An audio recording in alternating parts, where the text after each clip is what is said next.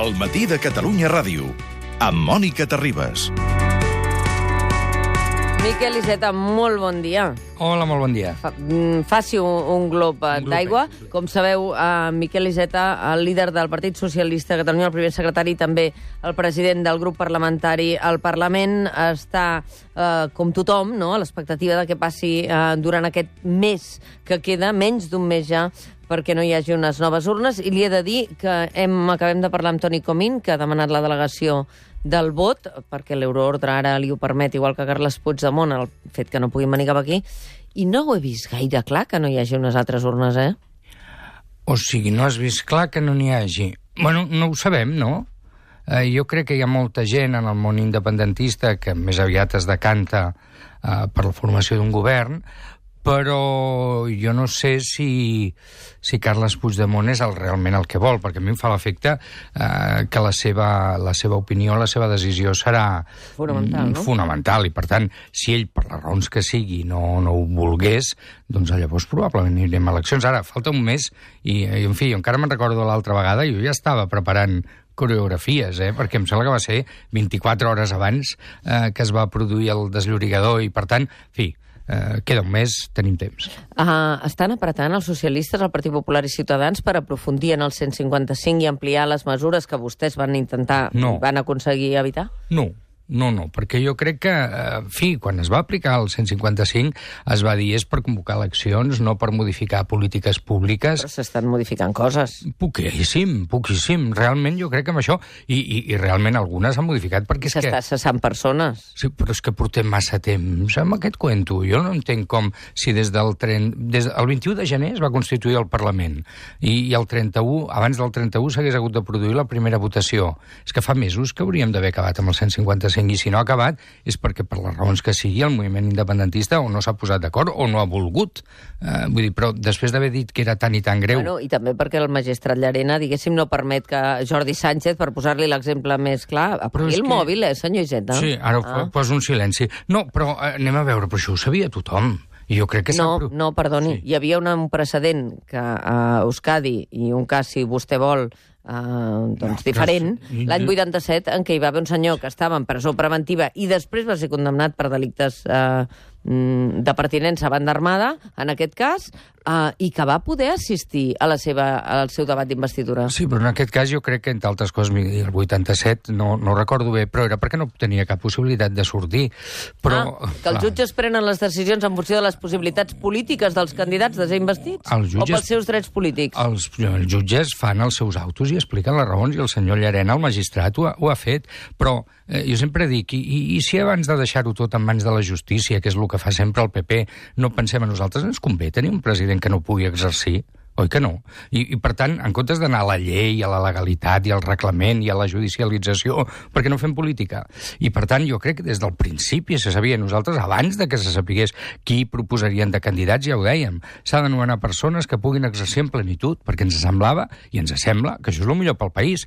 Eh, ara, que per això algú pot considerar que és un símbol que posa en dificultats l'Estat o el jutge, en fi, doncs, en fi eh, tot, tots els plantejaments tenen cabuda. Ara, jo crec que pensant en Catalunya, el que necessitem és un govern, un president que pugui exercir sense traves, una Escolti, presidenta. Vostè abans deia el 155 ja s'hauria d'haver acabat, però uh, l'altre dia vam sentir a Susana Díaz i a Javier Lambán dient que no s'havia d'esperar a que s'aixequés el 155 per parlar del nou sistema de finançament que porta un retard de, de, Però és, és, de evi- 5 anys. És evident. Si quan teníem govern aquí, també el govern de Catalunya no volia parlar de finançament. Recordi vostè que es va crear una comissió d'experts i el govern no de Catalunya... faci boomerangs, No, senyor Iceta. No, no, li explico la veritat, que vostè sembla que vulgui amagar. No, quan home, el govern jo no vull Catalu- amagar res. Quan el govern de Catalunya hi era, van decidir Sí. que no volien participar d'aquesta negociació. Escolti'm, Va, quants van anys fa decidir- que es demana el nou sistema de finançament? No, no que es demana. Hauria d'haver entrat en vigor l'1 de gener del 2014. Val. Per tant, No, eh, però de quan govern, m'està parlant? el govern de Catalunya, des del 2014, no ha volgut participar en aquesta negociació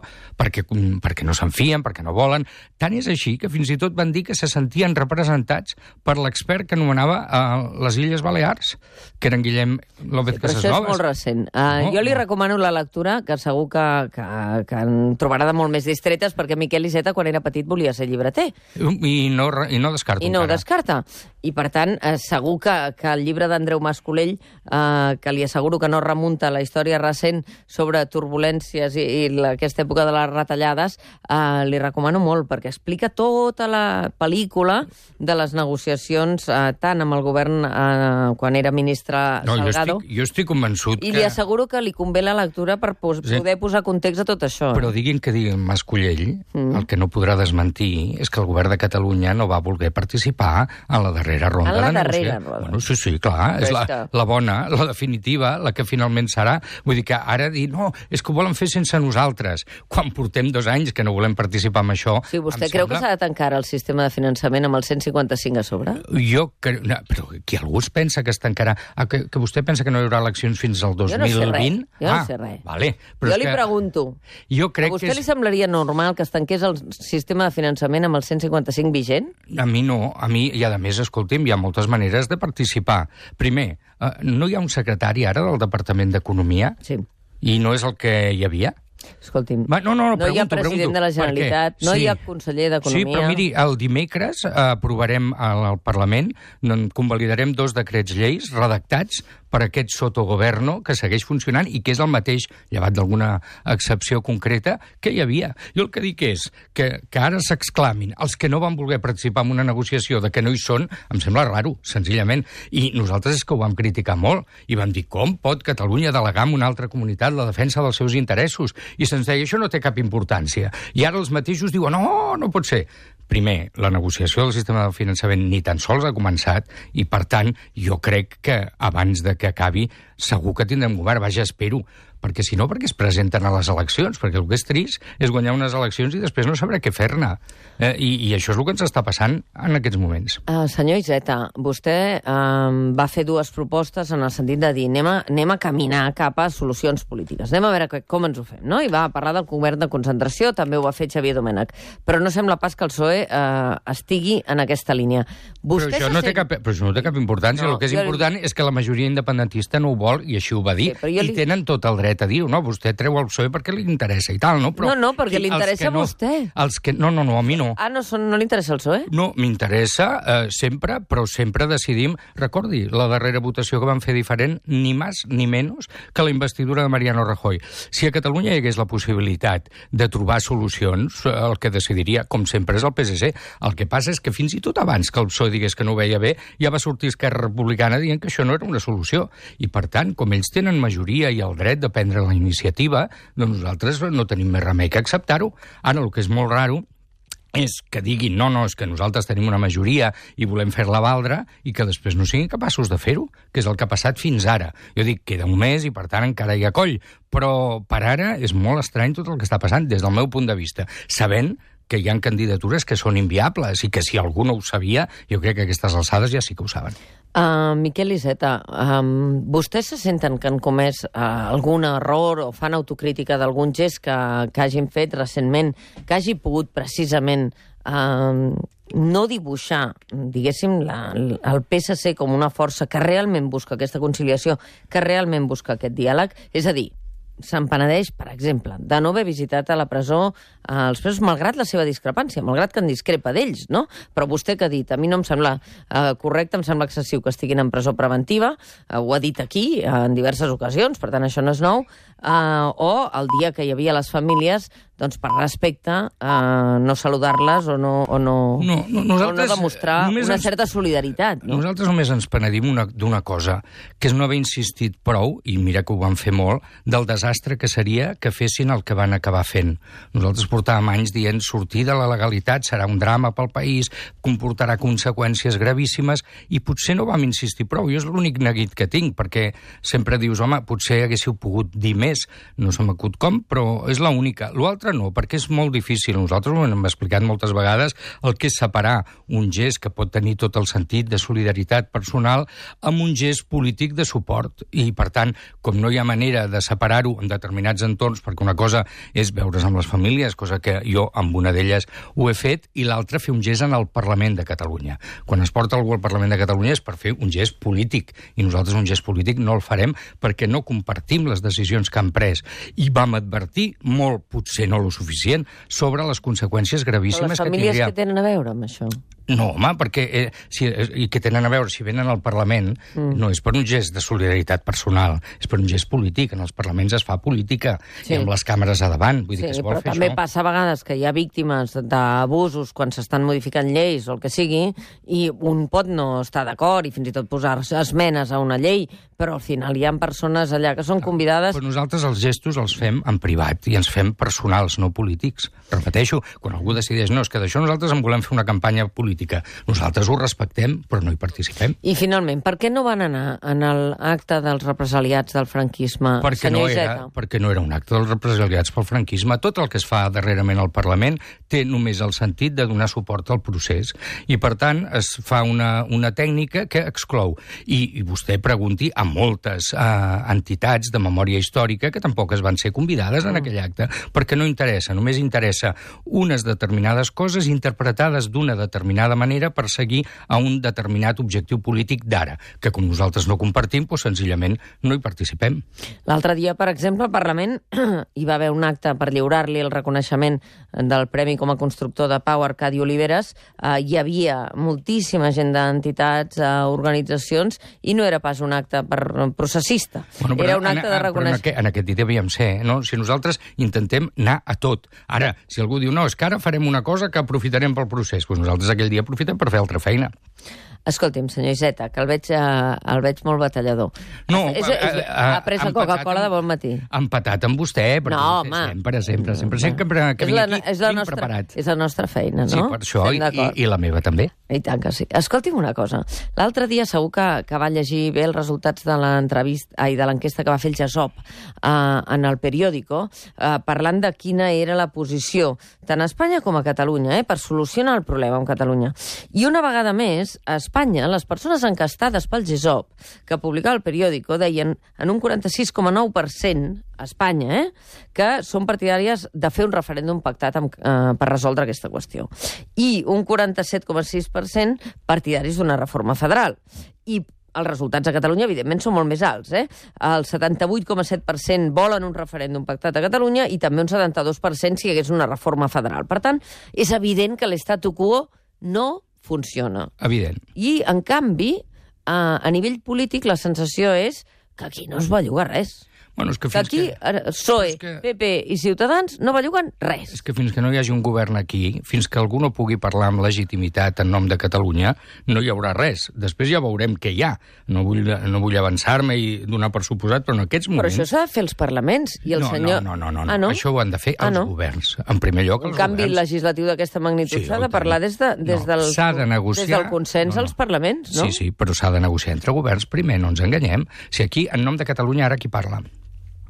Ara no parla ningú, perquè no pot. Enric Millor. Eh, no, no, no, no, ell ja, ja ho diu també, diu, no, jo parlo en nom del govern d'Espanya, i parlo en nom del govern d'Espanya en tant que delegat del govern de Catalunya, però pels, les institucions catalanes en aquests moments no tenen interlocutor. De fet... Sí, eh, li insisteixo. no. Jo aquí li demano explicacions, aquí, i ho faig periòdicament, i l'altre Mm. dia va estar més d'una hora aquí assegut al meu costat, sobre si hi ha oposicions a bombers, si les oposicions a Bueno, Mossos d'Esquadra això passa tiren endavant. Els independentistes, des del 31 de Jo gener, les no han, explicacions- trobat, no han trobat un moment de fer govern. I llavors per què es presentaven a les eleccions? Bueno, ja ho sé, per què es presentaven. Van dir, si guanyem, tornaran Puigdemont com a president. No. Si guanyem, sortiran els presos. No. Si guanyem, es restablirà la república. Doncs resulta que tampoc. Ah, Llavors, com s'han compromès a fer unes coses que no es podien comprometre, siguem objectius, doncs ara els hi fa una mica de basarda que algú hagi de donar la cara i fer-se'n responsable d'això. I això, és lo, I això és el que explica molt, perquè ja li dic, és que ara ha passat ja prou temps. 21 de gener, Constitució del Parlament. 31 de gener s'hagués hagut de produir la primera votació d'investidura. Febrer, març, abril... Sí, sí. I aquí tothom estem ja pensant en el Escolti, 22 a de Espanya hi maig. va haver unes segones eleccions que vostès, eh, els seus cosins, eh, les van patir Està- especialment. Però està comparant la situació catalana a l'espanyola de l'any 2016? fa quatre dies? Sí? Està, vostè creu que és el mateix? No, ah, però... que raro. No, pa, Sí que mireu les coses rares. Aquí... Miquel Iceta, parlo d'estar sense governs. Ah, només, bueno. Eh? De, Ah, però és- L'efecte d'estar sense governs. Però no, no, no, no, no, és que a més no comparis, no, t'estic ajudant. A Espanya hi havia un govern en funcions, Mm. aquí no. I, i per tant no, no és comparable. I, i aquí, hem, escolti'm, i podem decidir no tenir govern i fins i tot anar amb unes noves eleccions i després no fer govern. Tot, tot això és possible. Ara, és convenient, i jo crec que de tant en quant hem de parlar de la conveniència eh, dels ciutadans de Catalunya, tots ells, pensin com pensin. I jo crec que no tenir govern és un inconvenient, Però- no és ajudar. I en aquest sentit dic, hi ha massa mesos ja en els que no hi ha govern només perquè els independentistes o no volen o no s'han posat d'acord. Ja. Ja. Vull dir, potser, potser no volen, senzillament. Llavors jo crec que això no és bo. Però vostè parla amb ells. Perquè Ai. així com Enric Milló em va dir l'altre dia que no tenia cap contacte amb ningú, Mm. um, amb, amb vostès tampoc m'ho va semblar. És a dir, ell no, no s'asseu a parlar amb els partits polítics des de fa temps, ho va, ho va dir aquí. A vostè sí que parla amb, amb tots Amb els grups. No? Amb tothom. Bueno, perdó, vull, vull precisar. Uh, amb el PDeCAT sí, amb Junts per Catalunya no. Vull precisar. Sí, perquè amb tothom, amb tothom que vol parlar amb nosaltres, sí. Amb el PDeCAT sí, però amb, amb Junts, Junts- per Catalunya no. No han volgut establir una relació, diríem, institucional entre grups parlamentaris per ara. Amb la CUP sí. Amb la CUP, sí. Amb la CUP sempre eh, el, el tracte és, eh, és des d'una discrepància gairebé diria radical, però sí, sempre, sempre hem tingut oportunitat de parlar.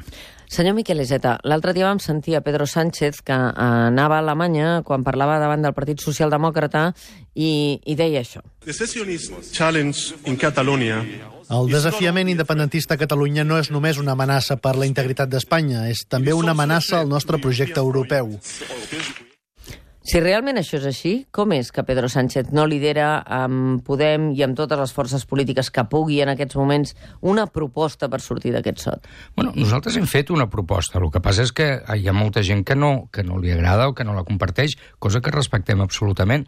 Nosaltres diem, el camí és una reforma constitucional.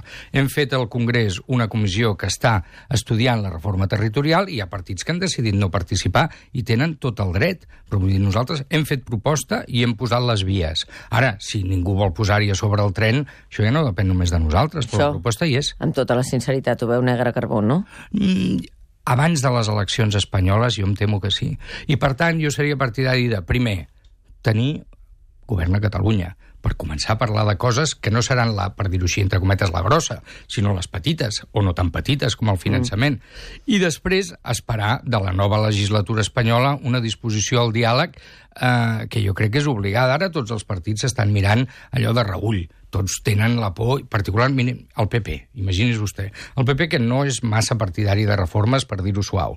Però a sobre ara, en un moment en què Ciutadans els hi està, diríem, eh, robant part de l'electorat i que amenaça la seva posició dominant a Espanya, el PP encara té menys estímuls, per dir-ho així, per eh, oferir-se i obrir-se un diàleg. I, per tant, jo crec que, objectivament, a mi m'agradaria que no fos així, perquè, en teoria, fins a les eleccions generals falta més d'un any. Imagini's la feina que es podia fer en un any, no?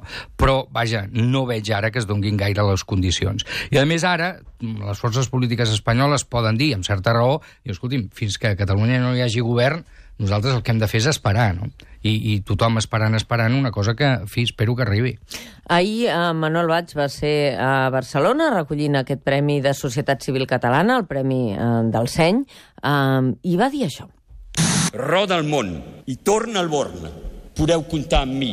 Sempre estaré amb vosaltres per aquest combat, per aquest compromís. El de la democràcia, el de la llibertat, el de la societat civil catalana. Però no amb els socialistes, que ha estat eh, a França, el seva, la seva família política... Si és, si és per la llibertat i la democràcia, com no amb nosaltres, jo aquí no l'he sentit encara dir que accepta ser candidat a les No- municipals. No sembla pas que ho descarti. Ha parlat amb ell? Ha parlat Des- Miquel Iceta amb Manuel Valls? Després d'aquesta notícia, no. Ara, mm, si no ho he Quan fet, hi va també- parlar? Pues mira, jo crec que va ser motiu de la darrera manifestació de societat civil catalana, que el vaig saludar allà molt breument, però vaja, jo, jo d'ell ara quedaré fatal, eh? però tinc el telèfon, vull dir que si el vull trucar puc. Uh, I perquè sempre que ha vingut per Barcelona ha tingut interès uh, de veure'ns. Però des de que s'ha conegut aquesta notícia no hi he parlat, no.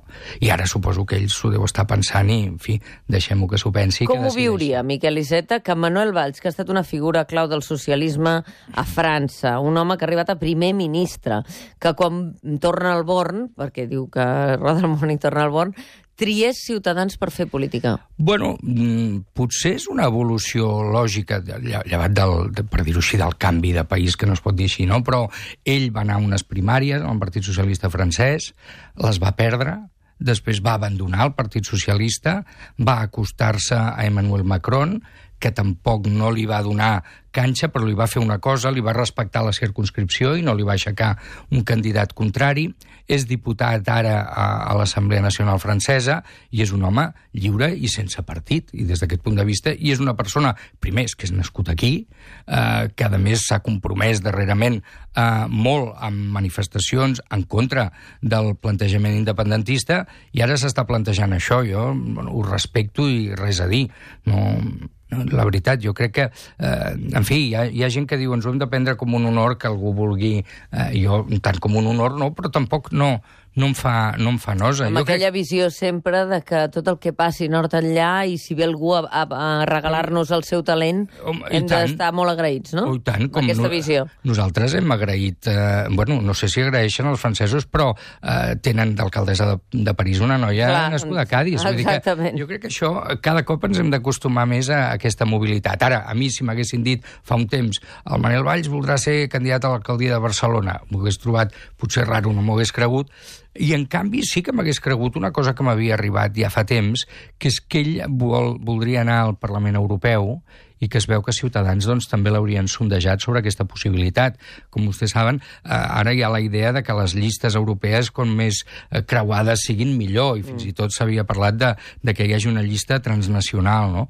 I això potser tenia sentit. Ell ara a França s'ha quedat sense partit, i si algú l'acull, em, ell, ell és un home del centre-esquerra liberal, doncs escolti, per què no? Vull dir que mm, si no se'n va amb Ciutadans, vostès no descartarien tampoc incorporar-lo a les llistes europees. No, és que no, a les llistes europees nosaltres jo crec que presentarem magnífics candidats. Nosaltres mm, primer els busquem a casa, diríem, eh? I, i a més en, normalment en trobem. Però, escolti'm, a Europa la veritat és que es construeix eh, la Unió Europea amb una col·laboració molt estreta entre els partits que no són antieuropeus. Eh, I això fa doncs, que el Parlament Europeu, per exemple, la presidència del Parlament es parteix per meitats entre el grup popular i el grup socialista i coses per l'estil, coses que potser a nivell de cada país poden ser molt més discutides o molt més rares. A Europa el que hi ha és, per dir així, un front europeistes i no europeistes, no? I des d'aquest punt de vista, jo li he de dir que, que Manuel Valls és dels europeistes. Uh, Suïssa s'ha ofert a fer de mediadora.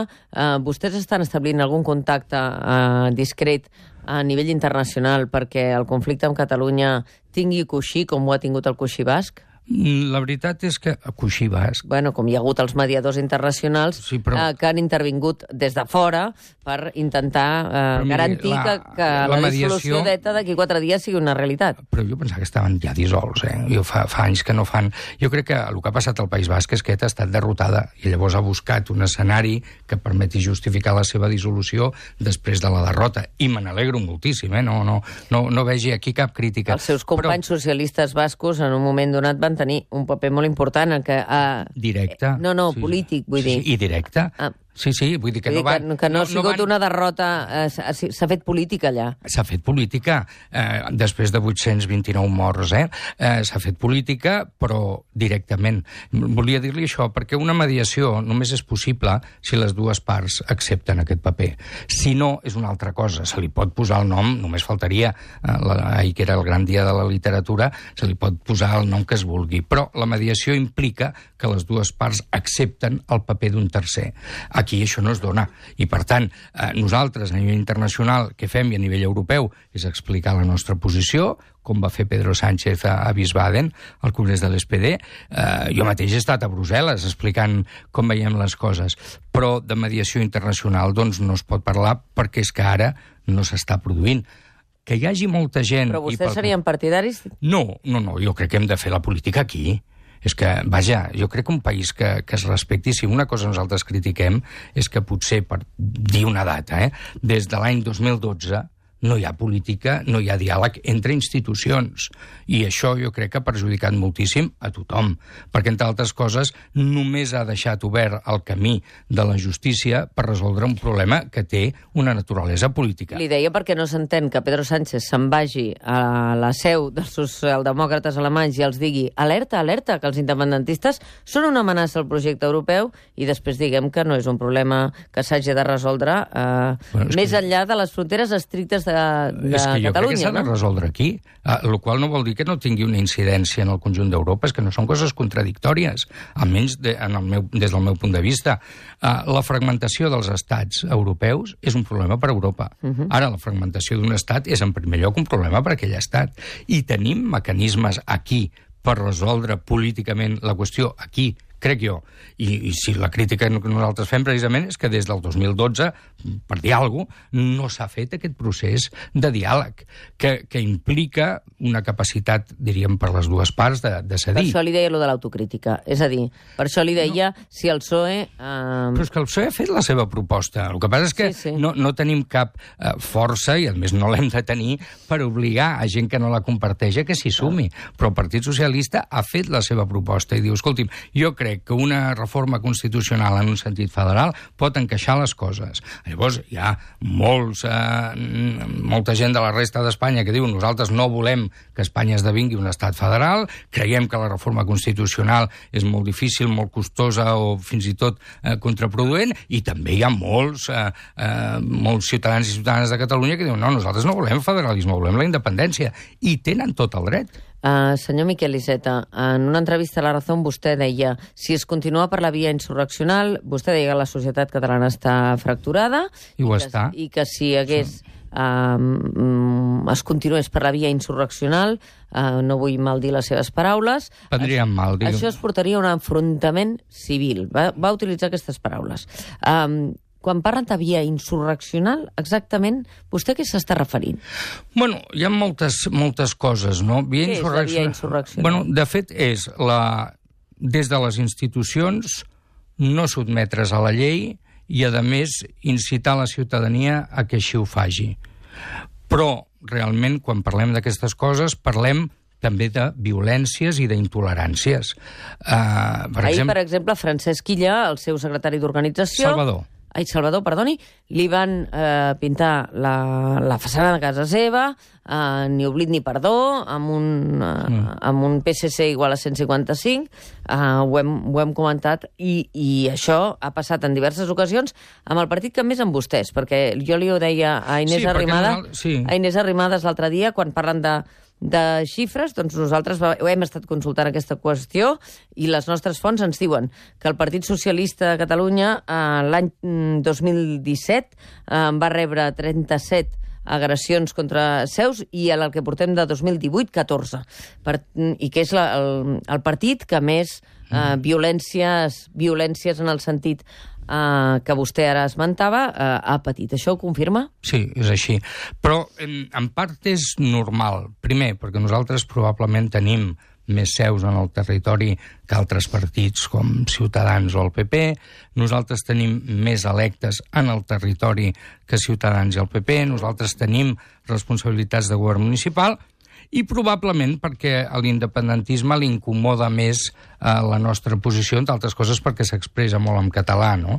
Jo crec que moltes vegades eh, que els independentistes, en el fons, tenir d'adversaris eh, ciutadans, doncs és, en fi, lo típic, no? En canvi, nosaltres som una mica diferents des d'aquest punt de vista, perquè nosaltres venim d'una tradició catalanista i probablement això incomoda més alguns independentistes. Això del territori eh, que diu té tot el sentit, perquè Esquerra eh, el 2017 en va tenir 20 d'aquests atacs, el PDeCAT 14, són dos partits eh, també molt implantats al territori, eh, la CUP 6 i el, el que portem d'any, les nostres dades, eh? Esquerra 9, el PDeCAT 4, eh, la CUP 1, és a dir, eh, va directament en proporció És a l'implantació territorial. És lògic, ara no és bo, i no és bona ni una intolerància d'un sentit ni d'un altre. I nosaltres ens va preocupar molt que van portar al Parlament una proposta de resolució per condemnar tota mena de violències i eh, l'independentisme va considerar que no l'havia de votar probablement perquè la proposàvem nosaltres, no? Eh, jo crec que això no és bo. Perquè jo crec que eh, tots els partits tenim l'obligació de predicar les nostres idees, però també de predicar el respecte, i que la gent sàpigui que no tothom pensem igual, i que el fet de que algú... Miri, jo ahir vaig tenir un moment d'una certa alegria, se'm va acostar una persona amb un llaç groc eh, important i em va dir, escolti'm, em voldria fer una foto amb vostè, que li sap greu? I feia així, mirant-se, i jo li vaig dir, no, no, al contrari, eh, jo el respecto molt, i em deia, ai, vostè també, i ens va fer una foto que ens va fer la seva senyora, no? I jo crec que aquest és l'esperit millor del Diada de Sant Jordi. Jo crec que ahir no es va veure al No, carrer una societat ni és que- fracturada, ni dividida, és que, ni... És que és, és que és fantàstic. És que el Sant Jordi és molt fort. Llàstima que no ho poguéssim fer tot l'any.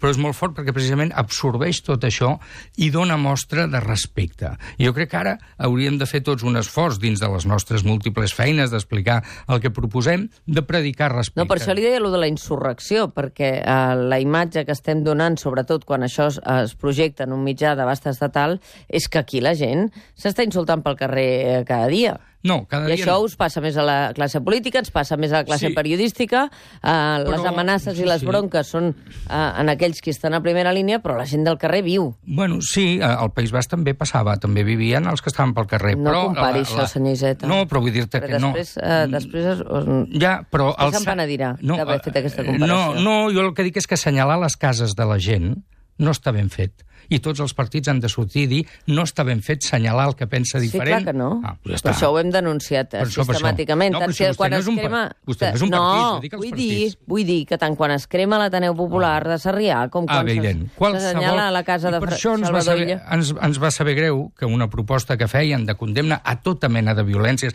i sense assenyalar-ne cap especialment no es volgués votar. Però vostè s'ha respost. És perquè ho havien presentat vostès. Clar, eh, i llavors quina és la lectura? Bueno, la violència contra els socialistes és menys violència. Mm, no. no, no, és que aquest és el problema, jo crec. I llavors, precisament, com nosaltres volem i tenim una societat convivencial i de respecte, quan veiem qualsevol brot d'aquesta naturalesa, com més aviat l'aturem, millor, per no arribar a, a, a, diríem, a situacions que ningú diu voler. I per això hem d'anar molt en compte. De la mateixa manera, quan es banalitza la violència, quan algú diu un aixecament de barreres és terrorisme. No!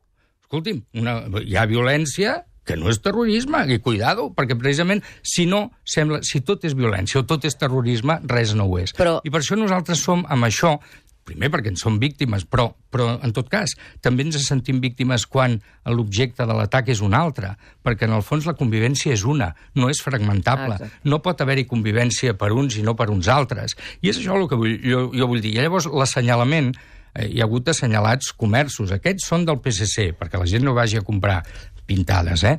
eh clar, no pot ser.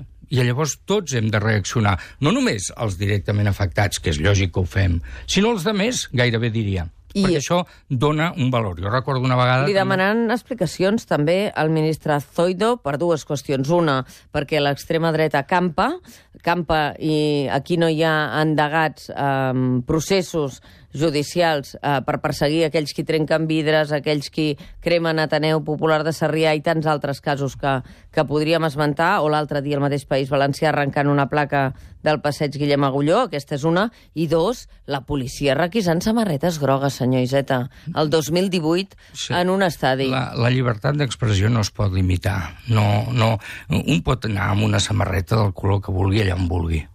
Jo crec que de la mateixa manera que demanem respecte, eh, el respecte primer és a les opinions de cadascú i per tant ningú ha de fer una, eh, d'això una qüestió. Per exemple, a mi si em diuen a vostè li agrada que xiulin en un estadi, li dic no. Ara la gent pot xiular en un estadi? Doncs pues sí, clar que pot xiular, perquè està dins de, de la seva llibertat i per tant ni un vestit, ni un color, ni, ni una actitud, sembla que no impliqui, diríem, violència sobre un altre, clar que es poden fer. I, mm, Li demanaran diria, explicacions al ministre Zoido per aquesta qüestió? No sé com anirà, això se Perquè hauria les, de les preguntar... xiulades porten una cua de nassos Sempre, i després... cada any. Jo crec que es converteixen en una... En fi, ja, ja també formen part d'un cert patró, d'una certa tradició. Però aquí el que hem de mirar, sobretot, a part del ministre, que, que hagi de donar les explicacions que siguin, però sobretot és l'actuació de la Fiscalia, perquè vostè deia eh, la, la crema crema d'un local, no? I amb això es pot actuar d'ofici. Eh, la Fiscalia pot directament obrir diligències. És veritat que hi han actuacions com aquestes que moltes vegades són difícils de detectar de qui ho ha fet, no? Però això no vol dir que no s'hagin d'investigar. I la mateixa manera que la policia té diversos mecanismes d'intentar controlar eh, elements de tipus radical, siguin d'un color o d'un altre, perquè precisament la policia eh, el que ha de mantenir és l'ordre i la seguretat de tothom, i per tant és qualsevol violència la que és, diríem, susceptible de ser, i no no és susceptible, seria bo que fos investigada. Mm, I, per tant, jo dono per fet... Miri, per exemple, a mi l'altre dia em venien els Mossos a prendre declaració perquè la Fiscalia hauria obert diligències sobre uns tuits ofensius. I jo pensava, hosti, però si jo no he dit res. I, la Fiscalia, I em van dir, no, no, és que la Fiscalia d'ofici ha obert diligències. I, per tant, cada cas com aquests ha de mereixer precisament aquesta investigació, i més si és la crema d'un local.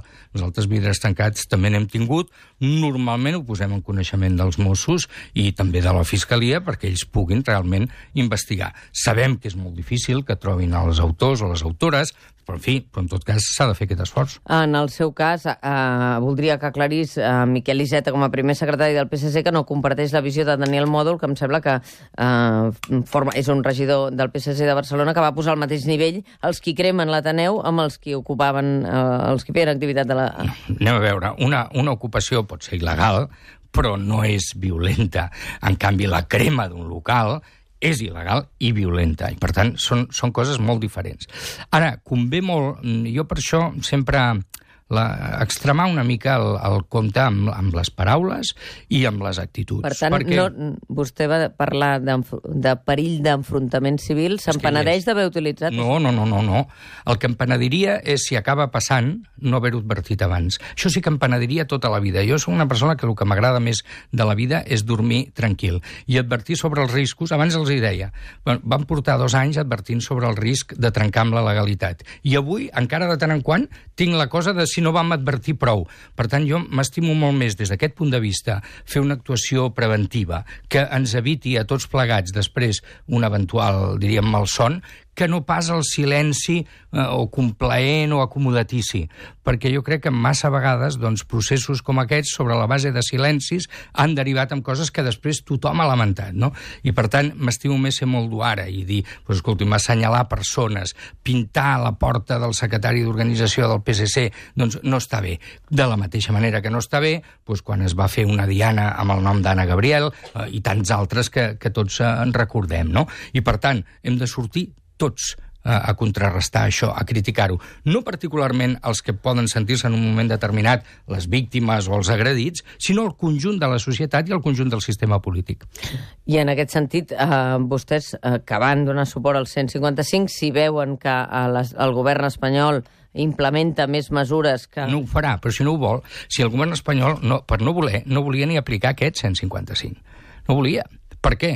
Perquè és un mecanisme excepcional, és un mecanisme que, objectivament, violenta les institucions, mm. és una intervenció, diríem, eh, prevista només per casos molt, molt excepcionals, i el govern d'Espanya, ara, a més, per un motiu molt concret, volen aprovar els pressupostos i els interessaria que això no s'apliqués, no? Però, en general, no es creguin. Eh, si, de fet, alguna crítica, i vostè abans citava alguna, de gent que està criticant a Mariano Rajoy per haver trigat massa, no només els dos que vostè citava, tothom ho diu després de que ho va dir Felipe González, que sempre és una, un argument d'autoritat, no? Però, eh, per tant, més aviat, la crítica que rep Mariano Rajoy és d'inacció mm, o de retrasar al màxim mesures com aquestes. I alguna vegada he dit, i després se'm critica, no? Sort que tenim el Rajoy i no l'Aznar, posem per cas, eh? Perquè llavors no sé, no sé on fórem.